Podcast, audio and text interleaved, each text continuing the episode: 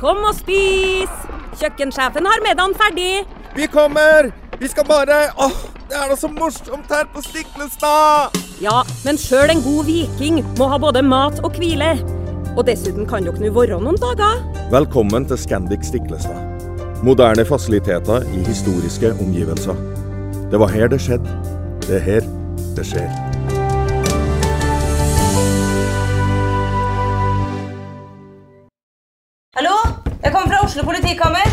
Ine Jansen er purk. Er du purk? The motherfucking bitch. Alt jeg vil, er å finne ut hva som skjedde med mannen min. Jon Carew. Er jeg sikta for noe? Iben Akeli. Det er du. Ole So, Lars Berrum og Big Daddy Karsten. Hvem sin side er du på, egentlig? Anette Hoff, Tone Danielsen, Kommer du fra Afrika? Jørnis Josef, Nesten. Kløfta. Trond Espen Seim, Det er synd å si det, men det var feil mann som døde. Purk. Premiere tirsdag på TV2 Play.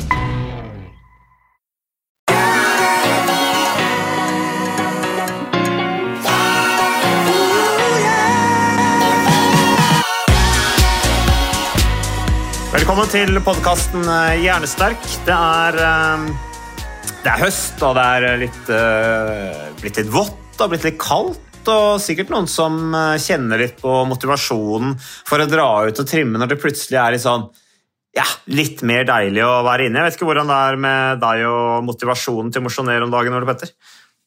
Jo, den er, den er litt dårligere enn den har vært, altså. Jeg er jo veldig glad i at det er lyst ute, så mange av mine treningsøkter de finner selv på kveldstid etter at, eh, etter at barna har lagt seg. Og det var jo en periode like etter sommerferien hvor du fint kunne gå ut klokka ti og til og med klokken elleve om kvelden, eh, og, og du fikk eh, trent, og det var lyst. Mm. Pokker, nå blir det jo mørkt klokka sju, så nå er det ikke så lett å få gjort unna de øktene, syns jeg. Nei. Nei, du man får litt lavere energinivå osv. Jeg for øvrig, eh, jeg drev og jobba natt forrige uke, forresten, Ole Petter, og det ble en ny erfaring for meg. Det der å jobbe natt eh, og dag, faktisk. Natt til fredag så kommenterte jeg sykkel-VM fra Australia. Og jeg sto jo opp morgenen før klokka seks og holdt på ikke sant, sånn som man pleier, og så sov jeg ingenting før jeg dro på jobb. Begynte å kommentere fra klokka tolv kommenterte ti, og så dro jeg videre på nye oppdrag og var ikke hjemme før klokka fire. og da fant jeg det, da har jeg faktisk altså Da hadde jeg altså vært 40 timer sammenhengende våken. eh, Sov en halvtime, og så dro jeg ned og trente på ergometersykkelen min. Hadde en fin kveld, og så sov jeg jo som en stein om natta og følte meg egentlig helt grei.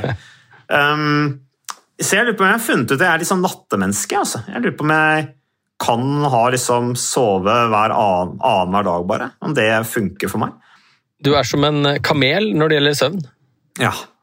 ja. Men dette er jo selvfølgelig sikkert litt uvant for deg, da, men det er jo mange som faktisk jobber sånn. Jeg tenker i helsevesenet, hvor jeg har jobbet i mange år. Ja. Eh, Sykepleiere og leger og andre som jobber turnus. Um, hvordan det, det er ganske, ganske tøft, altså. Mm. Og spesielt hvordan man kommer litt ut av uh, døgnrytme. Og jeg tror de fleste takler en sånn uh, engangsaffære, sånn som du, uh, du gjorde her, uh, ganske bra. Og mange kan til og med oppleve at de får litt sånn ekstra piff, for du skiller jo ut så mye adrenalin og noradrenalin vet du, når du Mm. driver med ting og du er, du er våken. Ja. Men um, jeg tror ikke man skal gjøre det der for lenge av gangen. Nei. Nei, nei, ikke sant? Du kan ikke sammenligne det med de som har skiftarbeid på, på natt. En natt er eh, ikke noe problem. Jeg hadde for øvrig da natt til søndag også, men, eh, men så har det liksom det har blitt med det. da. Eh, Men eh, det der med fysioaktivitet merker jeg når du da er veldig trøtt og så har du bare lyst til å gå og legge deg, så funker jo det veldig bra da å dra og trene, og så våkner du litt, og så klarer du å holde igjennom kvelden sånn at du kan legge deg til fornuftig tid. Og da, når du er så overtre... Altså når du er så vanvittig trøtt som det du da er, er jo at du, du sover jo veldig tungt da, om natta, så du får på en måte lada litt opp. Så, men det var nok om det. Vi har fått et uh, lytterspørsmål her, Uh, og vi menn snakker om Vi er da inne i avdeling for menn snakker om kvinner. Vi hadde jo det, vi hadde om kvinnehelse forrige podkast forrige uke. eh, Da har vi snakket noe om dette med skjønnhetsbehandling og, og, og dette her. Den debatten som gikk. Men her har vi da fått en spørsmål om kvinnesyklus og trening. Det er fra Anita, snart 50, som sender oss spørsmål her. Veldig hyggelig at Anita sender oss spørsmål, eh, og hører på podkasten, ikke minst. Og så skriver hun etter mange år med stoffskifte har jeg alltid trodd at det har vært hovedproblemet mitt. som gjør at treningen til tider har vært tøft, altså menstruasjon. da. Men etter en stund begynte jeg å føre syklusen min, og jeg ser like mye symptomer hver måned, som igjen har gjort at jeg nå trener i forhold til syklus, skriver hun. 14 dager fra menstruasjon fungerer kroppen meget bra, og så har jeg 14 dager hvor jeg roer ting litt ned. Og dette har virkelig hjulpet meg, samtidig som jeg nå forstår og aksepterer at det er slik, for nå vet jeg hva det er. Hun har reflektert over dette her og vært ute og trent og kjent på kroppen. Og, og, og ja, gjort seg opp noen egne studier på seg selv. Så det er bra, Anita. Hvorfor snakkes ikke dette mer om? Jeg er 40 år og ikke fått noe særlig informasjon om dette tidligere av legen. For min opplevelse er at mange kvinner sliter akkurat med det.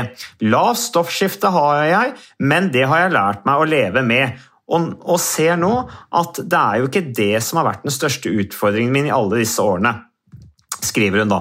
Uh, så ja, uh, hva tenker du om det, Ole Petter? Det var ikke Anita, forresten. Jeg blanda her med et annet spørsmål. Det var Anita som hadde det forrige spørsmålet. Jeg vet ikke hvem som har sendt inn det spørsmålet, jeg har ikke notert noe navn. Men uh, uansett, da, så er det jo eh, Du er jo lege, Ole Petter, så du har jo litt kred til å snakke om dette. Jeg må innrømme at jeg er ikke ekspert på menstruasjon. Jeg har riktignok en kone som eh, jo selvfølgelig innimellom som har, har det, uten at, jeg skal, ja, uten at jeg skal kommentere noe på det. Eh, men hun, da er det mange eksperter rundt om i landet? Det er veldig mange eksperter. Da. Hun trener for øvrig aktivt uansett. Men, men hva Dette er jo litt, litt det som vi var inne på forrige uke òg, Ole Petter, dette her at uh, hvorfor snakker ikke legene mer om det? Hvorfor er det ikke mer uh, om det? Hva tenker du om det? Ja, jeg har lyst til å si helt åpenbart og også at jeg er jo verken kvinne eller noe spesialist på menstruasjonssyklus. Nei.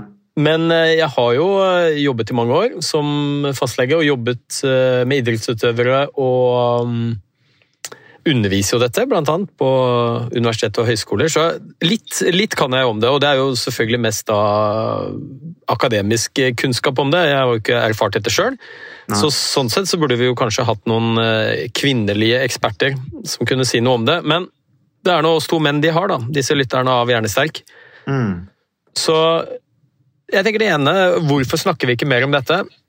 Prinsippet her har vi jo egentlig snakket en del om. Eh, for dette er jo egentlig en type periodisering hvor man legger opp treningen og altså trener litt forskjellig, avhengig av kalenderen. Ikke sant? At man kan f.eks. noen periodisere ukes, ukentlig. At de har en uke med litt tøffere trening, kanskje en uke med litt roligere trening. Sånn at det f.eks. matcher inn med familieliv eller studieliv eller hvordan det nå måtte være. Mm. Andre periodiserer lengre perioder, hvor de har noen perioder med mye hard og tøff trening, og så trapper de litt ned foran konkurranse, f.eks. Så prinsippet her snakker vi jo mye om, men det har jo bare vært forbeholdt menn. Mm. Uh, og, og det er jo egentlig litt forlengelse av det vi snakket om i forrige episode. Dette med kvinnehelse og hvordan det har, har vært og er fortsatt veldig mye mer fokus på menns helse. Eh, også menns prestasjon, når vi snakker om idrett og forskning rundt det. Så um, jeg tror allikevel det er veldig nyttig og viktig å ta opp. Eh, over halvparten av befolkningen eh, er jo kvinner, og de er vel så aktive som menn. Mm. Og mange av dem er i fertil alder og har en syklus som ikke bare påvirker prestasjon og, og, og, helse, men også livs, livskvalitet hos veldig mange. Så det hun beskriver her, tror jeg er ganske eh, treffende for mange. Og, og, de som har begynt å se litt på sin egen syklus og legge opp treningen etter det, mange av dem vil nok oppleve mye av det samme. At uh, i deler av syklus så man, føler man seg i bedre form, har mer energi, er mer mottakelig for treningen, mer mm. motivert for trening. Eh, mens i andre perioder så er det litt tøffere å komme seg ut. Man føler kanskje at man ikke restituerer seg like kjapt. Tåler ikke de tøffeste øktene like godt. Eh, og jeg har jo sett en del på forskningen rundt her, og, den er ikke veldig entydig. Det vil si at det kan nok være en del individuelle forskjeller fra kvinne til kvinne, men at det kan være lurt å, å se på sin egen syklus, som jo er forskjellig, påvirkes, eller kvinner forskjellig, påvirkes forskjellig av sin syklus. At man ser på den når man skal legge opp treningen, tror jeg kan være fornuftig. Mm. Og det hun sier noe om her, er jo at eh, de første to ukene av menstruasjonssyklus, den er jo da delt i to, eh, før og etter eggløsning. Eh, Så, mm, så opplever man ofte at man tåler litt mer trening, har mer energi, er motivert. Mens de siste 14 dagene etter eggløsning, så er det kanskje litt tøffere å komme seg i gang. Mm. Og det handler nok eh, primært om, ikke overraskende, hormoner. Eh, Mens menn har ett kjønnshormon de lager ganske jevn konsentrasjon av gjennom ikke bare hver måned, men gjennom et helt liv, mm. testosteron, så lager kvinner um, noe som heter østrogener. Og, og det viktigste heter østradiol, og så har vi noe som heter gestagener, eh, hvor det viktigste er progesteron. Og litt enkelt så kan vi si at i løpet av de første 14 dagene etter en menstruasjonsblødning Vi starter da menstruasjonssyklusen første dag er første blødning. Um, så de 14 dagene etter blødningen begynner, så får vi gradvis mer og mer østrogen, eller ikke vi, men kvinner gjør det, mer og mer østrogen i blodet. Og østrogen eh, virker som et anabolt hormon, dvs. Si at det virker oppbyggende. Det gir oss mer energi, vi tåler mer belastning, vi bygger mer muskulatur. Mens de siste 14 dagene av eh, menstruasjonssyklus så blir det mindre østrogen og mer progesteron. Okay. Og progesteron virker heller katabolt, altså nedbrytende.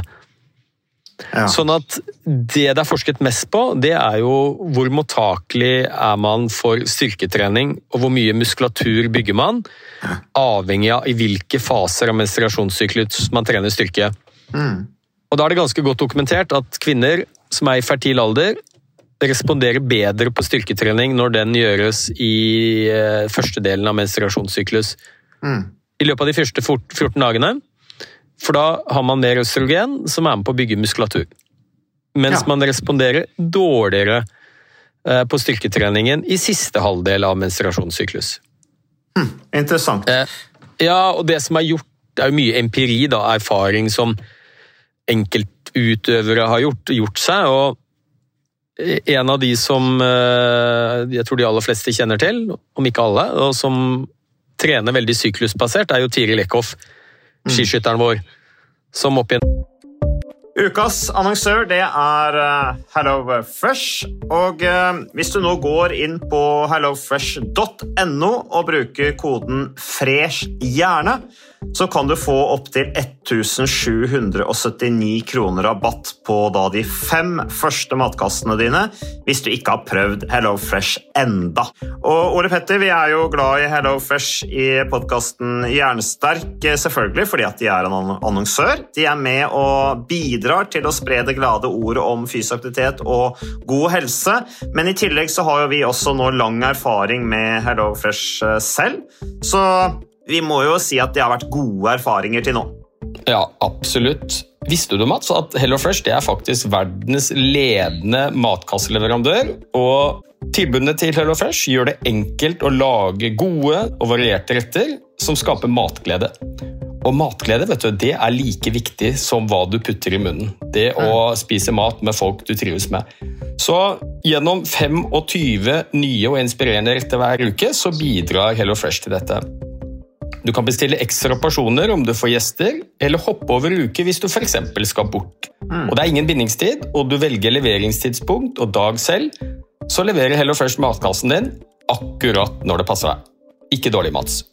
Nei, det er veldig bra. Så, øh, og dette er med enklere hverdag, det kan jeg nå skrive under på. For nå, forrige erfaring vi hadde forrige uke, Ole Petter, det syns jeg var Det var jo et gjennombrudd øh, for familien Kaggestad. For da lagde rett og slett barna De lagde middag og serverte middagen, så den var ferdig laget og servert da når eh, min kone Marita og meg kom hjem fra jobb. Og jeg mener, det var jo bare helt utrolig. Eh, Det var helt fantastisk. Det ble en nydelig middag. Riktignok, de, de, de, de roter og søler litt, det gjør de. Så, men, men maten ble veldig god. De var veldig stolte over å kunne å ha både laget og servert maten, så det var helt fantastisk. Så vi har jo da i det siste så har vi eh, spist eh, bl.a. sitron- og dillstekt hyse med ovnsbakte grønnsaker og aioli. Eh, Vi har spist middelhavsinspirert kylling. Taco, så finnes det mange ulike typer taco. F.eks. vietnamesisk taco, som vi har spist. Thailandsk vegetargryte. Veldig riktig og sunt eh, i dagens eh, samfunn med, med fokus på bærekraft. Hvitløk og chilistekte reker i spagetti, det var definitivt en vinner. Så det er så flott. Du får rimelig mat ved at du kun betaler for det du trenger, så det blir ordentlig feststemning med Hello Fresh. Det gjør det, og nå er det bare for deg å gå inn på hellofresh.no og bruk koden FRESH hjerne. Da får du opptil 1779 kroner rabatt på de første fem matkassene dine, hvis du ikke allerede har prøvd HelloFresh. Du kan også bruke rabattkoden hvis du har stoppet abonnementet ditt for tolv måneder siden eller mer. Er det noe å lure på? Håper maten smaker godt. Bon appétit! Som flere år har eh, kjørt et lite sånn mini-forskningsprosjekt på seg selv, eh, og har nok funnet ut mye av det samme som vår lytter har gjort, at de første 14 dagene av menstruasjonssyklus er kanskje da man bør legge inn den tøffeste treningen, kanskje høyere intensitet, at man tåler det bedre, og at man da de siste 14 dagene kanskje har roligere trening, både når det gjelder mengde og intensitet. Mm. Men det handler- selvfølgelig at man prøver å Ja, og så kan man jo prøve å tilpasse dette konkurranser osv. Det går jo an å forskyve menstruasjon, og, eh, og det er jo noen indikasjoner på at man kanskje presterer bedre, da. i- Idrettsmessig eh, hvis konkurransen finner sted de første 14 dagene Mm. av syklus, og ikke siste 14 dagene. Eller rett og slett bare føler seg bedre hvis man er vanlig mosjonist som ikke konkurrerer. Eh, Så, Ja, ja. Mm. ja.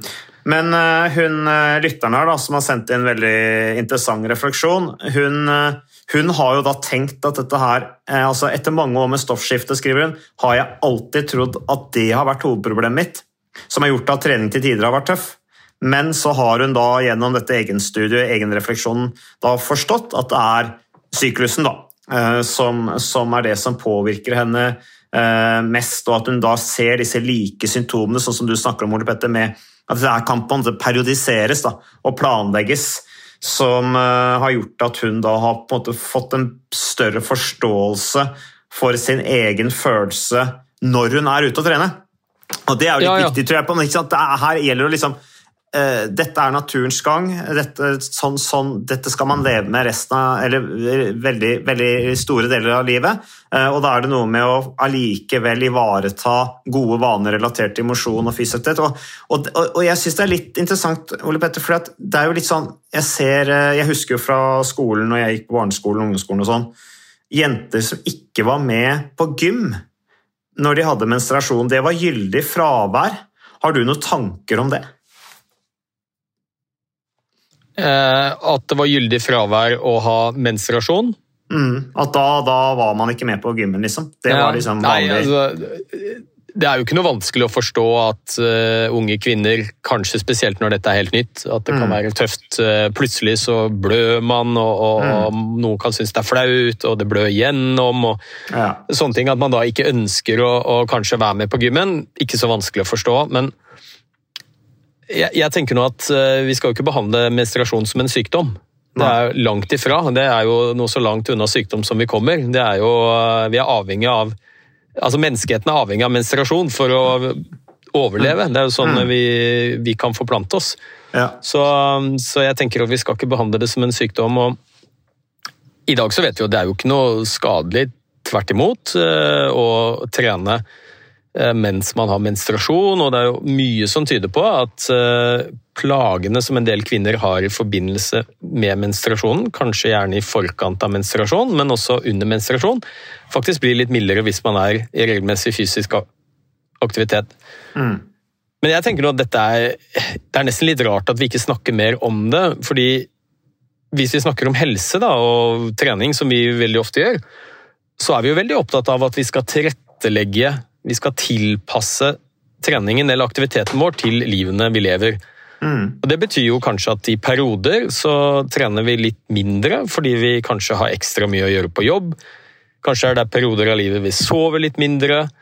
Eh, Kanskje er man skilt, og så har man barn i en uke og har i anførselstegn fri eh, en annen uke, og så tilpasser man treningen til den totalbelastningen man har Mm. Eh, og det er jo veldig nyttig. Så hvorfor skulle man ikke gjøre det som kvinne, når vi vet at uh, menstruasjonssyklus påvirker ganske mye i kvinners liv? Hvordan man har det, hvor mye energi man opplever, mm. uh, søvn, velvære osv. Så, videre. mm. så det er jo egentlig samme prinsipp som vi menn uh, har trent etter i veldig mange år. Det er bare at det snakkes mye mindre om det. Ja, så det er fint at det løftes fram. Mm, jeg har også veldig troa på det der å periodisere. Jeg opplever jo at en del som ønsker å komme i form, veldig ivrige. De trener, de går på ikke sant? Eh, med krum nakke og skal trene masse og trene mye. og, og har eh, satt seg mål om å bli så og så sprek, ja, og så har de da en uke eller to hvor de faller litt ut av det og får ikke tid til å trene så mye, og så blir det total pause, og så kommer de ikke i gang igjen. Så det der å opprettholde aktiviteten da, eh, i perioder hvor det er litt hektisk, og det er særlig da man kanskje har mest godt av det også sånn rent mentalt sett, Eh, men ikke sette så høye krav til seg i forhold til prestasjon og mengde, det tror jeg er litt kunsten for å skape gode vaner. Ja, det tror jeg òg. Og så tenker jeg I forlengelsen av dette så oppstår det jo et spørsmål også, og det er jo hva med kvinner som står på p-piller? Og det er jo en majoritet av norske kvinner som er i fertil alder, bruker jo p-piller. Mm. Som er klart mest brukte prevensjonsformen i Norge. Eh, vil man få dårligere treningseffekt om man står på p-piller? Det har jo vært et sånn forsknings...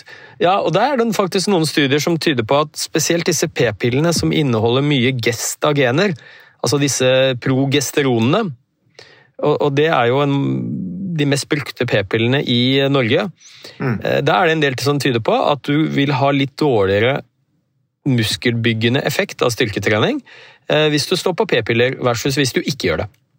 Mm. Og så forskes det videre på om det muligens det gjelder også kondisjonstrening. da.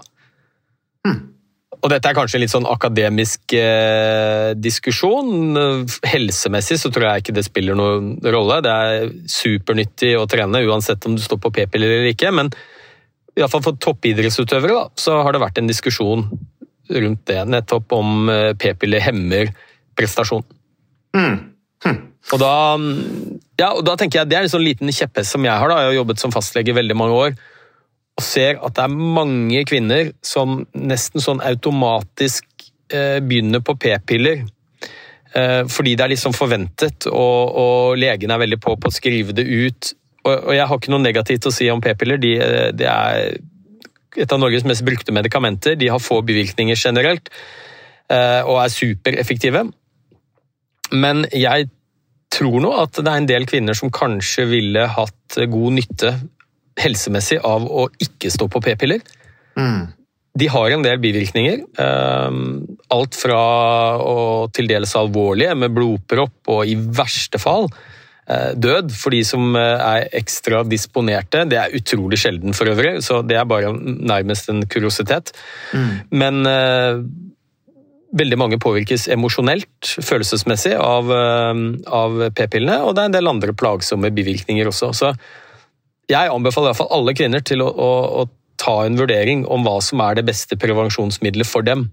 Mm. Uh, og det er ikke opplest og vedtatt at uh, alle bør stå på p-piller. Uh, noen får så mye plager av p-pillene at det rett og slett går utover livskvaliteten. Og Da kan det være greit å ha en diskusjon og se om det finnes annen type prevensjon. Og det er jo kanskje ikke så veldig mange, men jeg pleier å si til iallfall kvinner som har født barn, mm. Eller egentlig kvinner uansett, at uh, en sånn um, hormon... Nei, unnskyld, en Hva heter det? Kobberspiral. Spiral er et veldig mye brukt prevensjonsmiddel. Mm.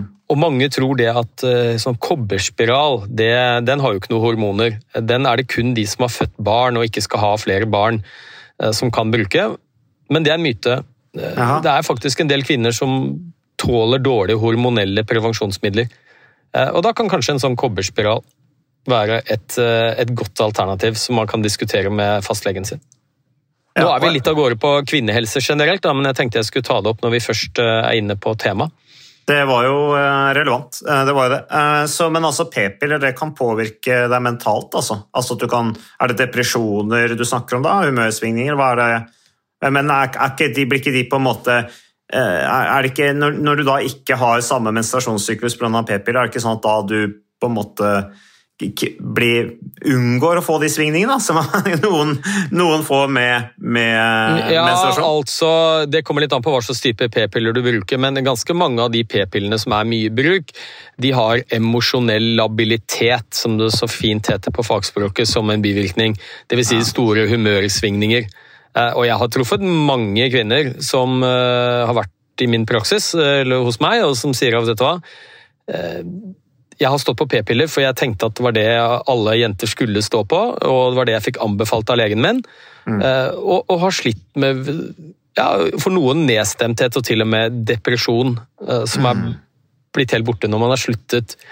Det gjelder ikke majoriteten, men det er noen som, som får de bivirkningene. Mm. Og så er det jo en del som bruker p-piller ikke nødvendigvis hovedsakelig pga. prevensjon, men pga. menstruasjonssmerter f.eks. Kraftige blødninger. Så kan de bidra til å lindre symptomene litt. Men eh, poenget mitt er bare at man skal eh, kanskje ta en god vurdering med fagpersoner også, før man eventuelt starter opp med noe. og det føler, finnes alternativer ja. hvis man har mye bivirkninger ved hormonell eh, prevensjon. Ja, og da er jo trening kanskje positivt òg, da? At man holder den i gang? Stort sett så er det jo det, vet du. Mm. Ja, for den er jo stabiliserende på humøret. så, så, det er bra. Jeg tenkte at dette var en såpass bra gjennomgang at uh, vi kan spare de neste temaene vi egentlig har på agendaen, til uh, ny episode. Uh, du skal spise middag, og jeg skal gå over på spinningtime og i det hele tatt. Så, men igjen, to menn snakker om kvinnehelse. vi gjør så godt vi kan. Ja, vi gjør så godt vi kan. Jeg håper alle kvinnelige lyttere setter pris på den praten. Du kommer i hvert fall med innsiktsfull informasjon der, Ole Petter. Som lege så har du jo definitivt kred for det du snakker om, så vi takker for at du bidrar med, med den kunnskapen. Og så takker vi for lyttespørsmål. Det er veldig bra å ha. Det holder podkasten i gang. Vi er tilbake med en ny episode neste uke.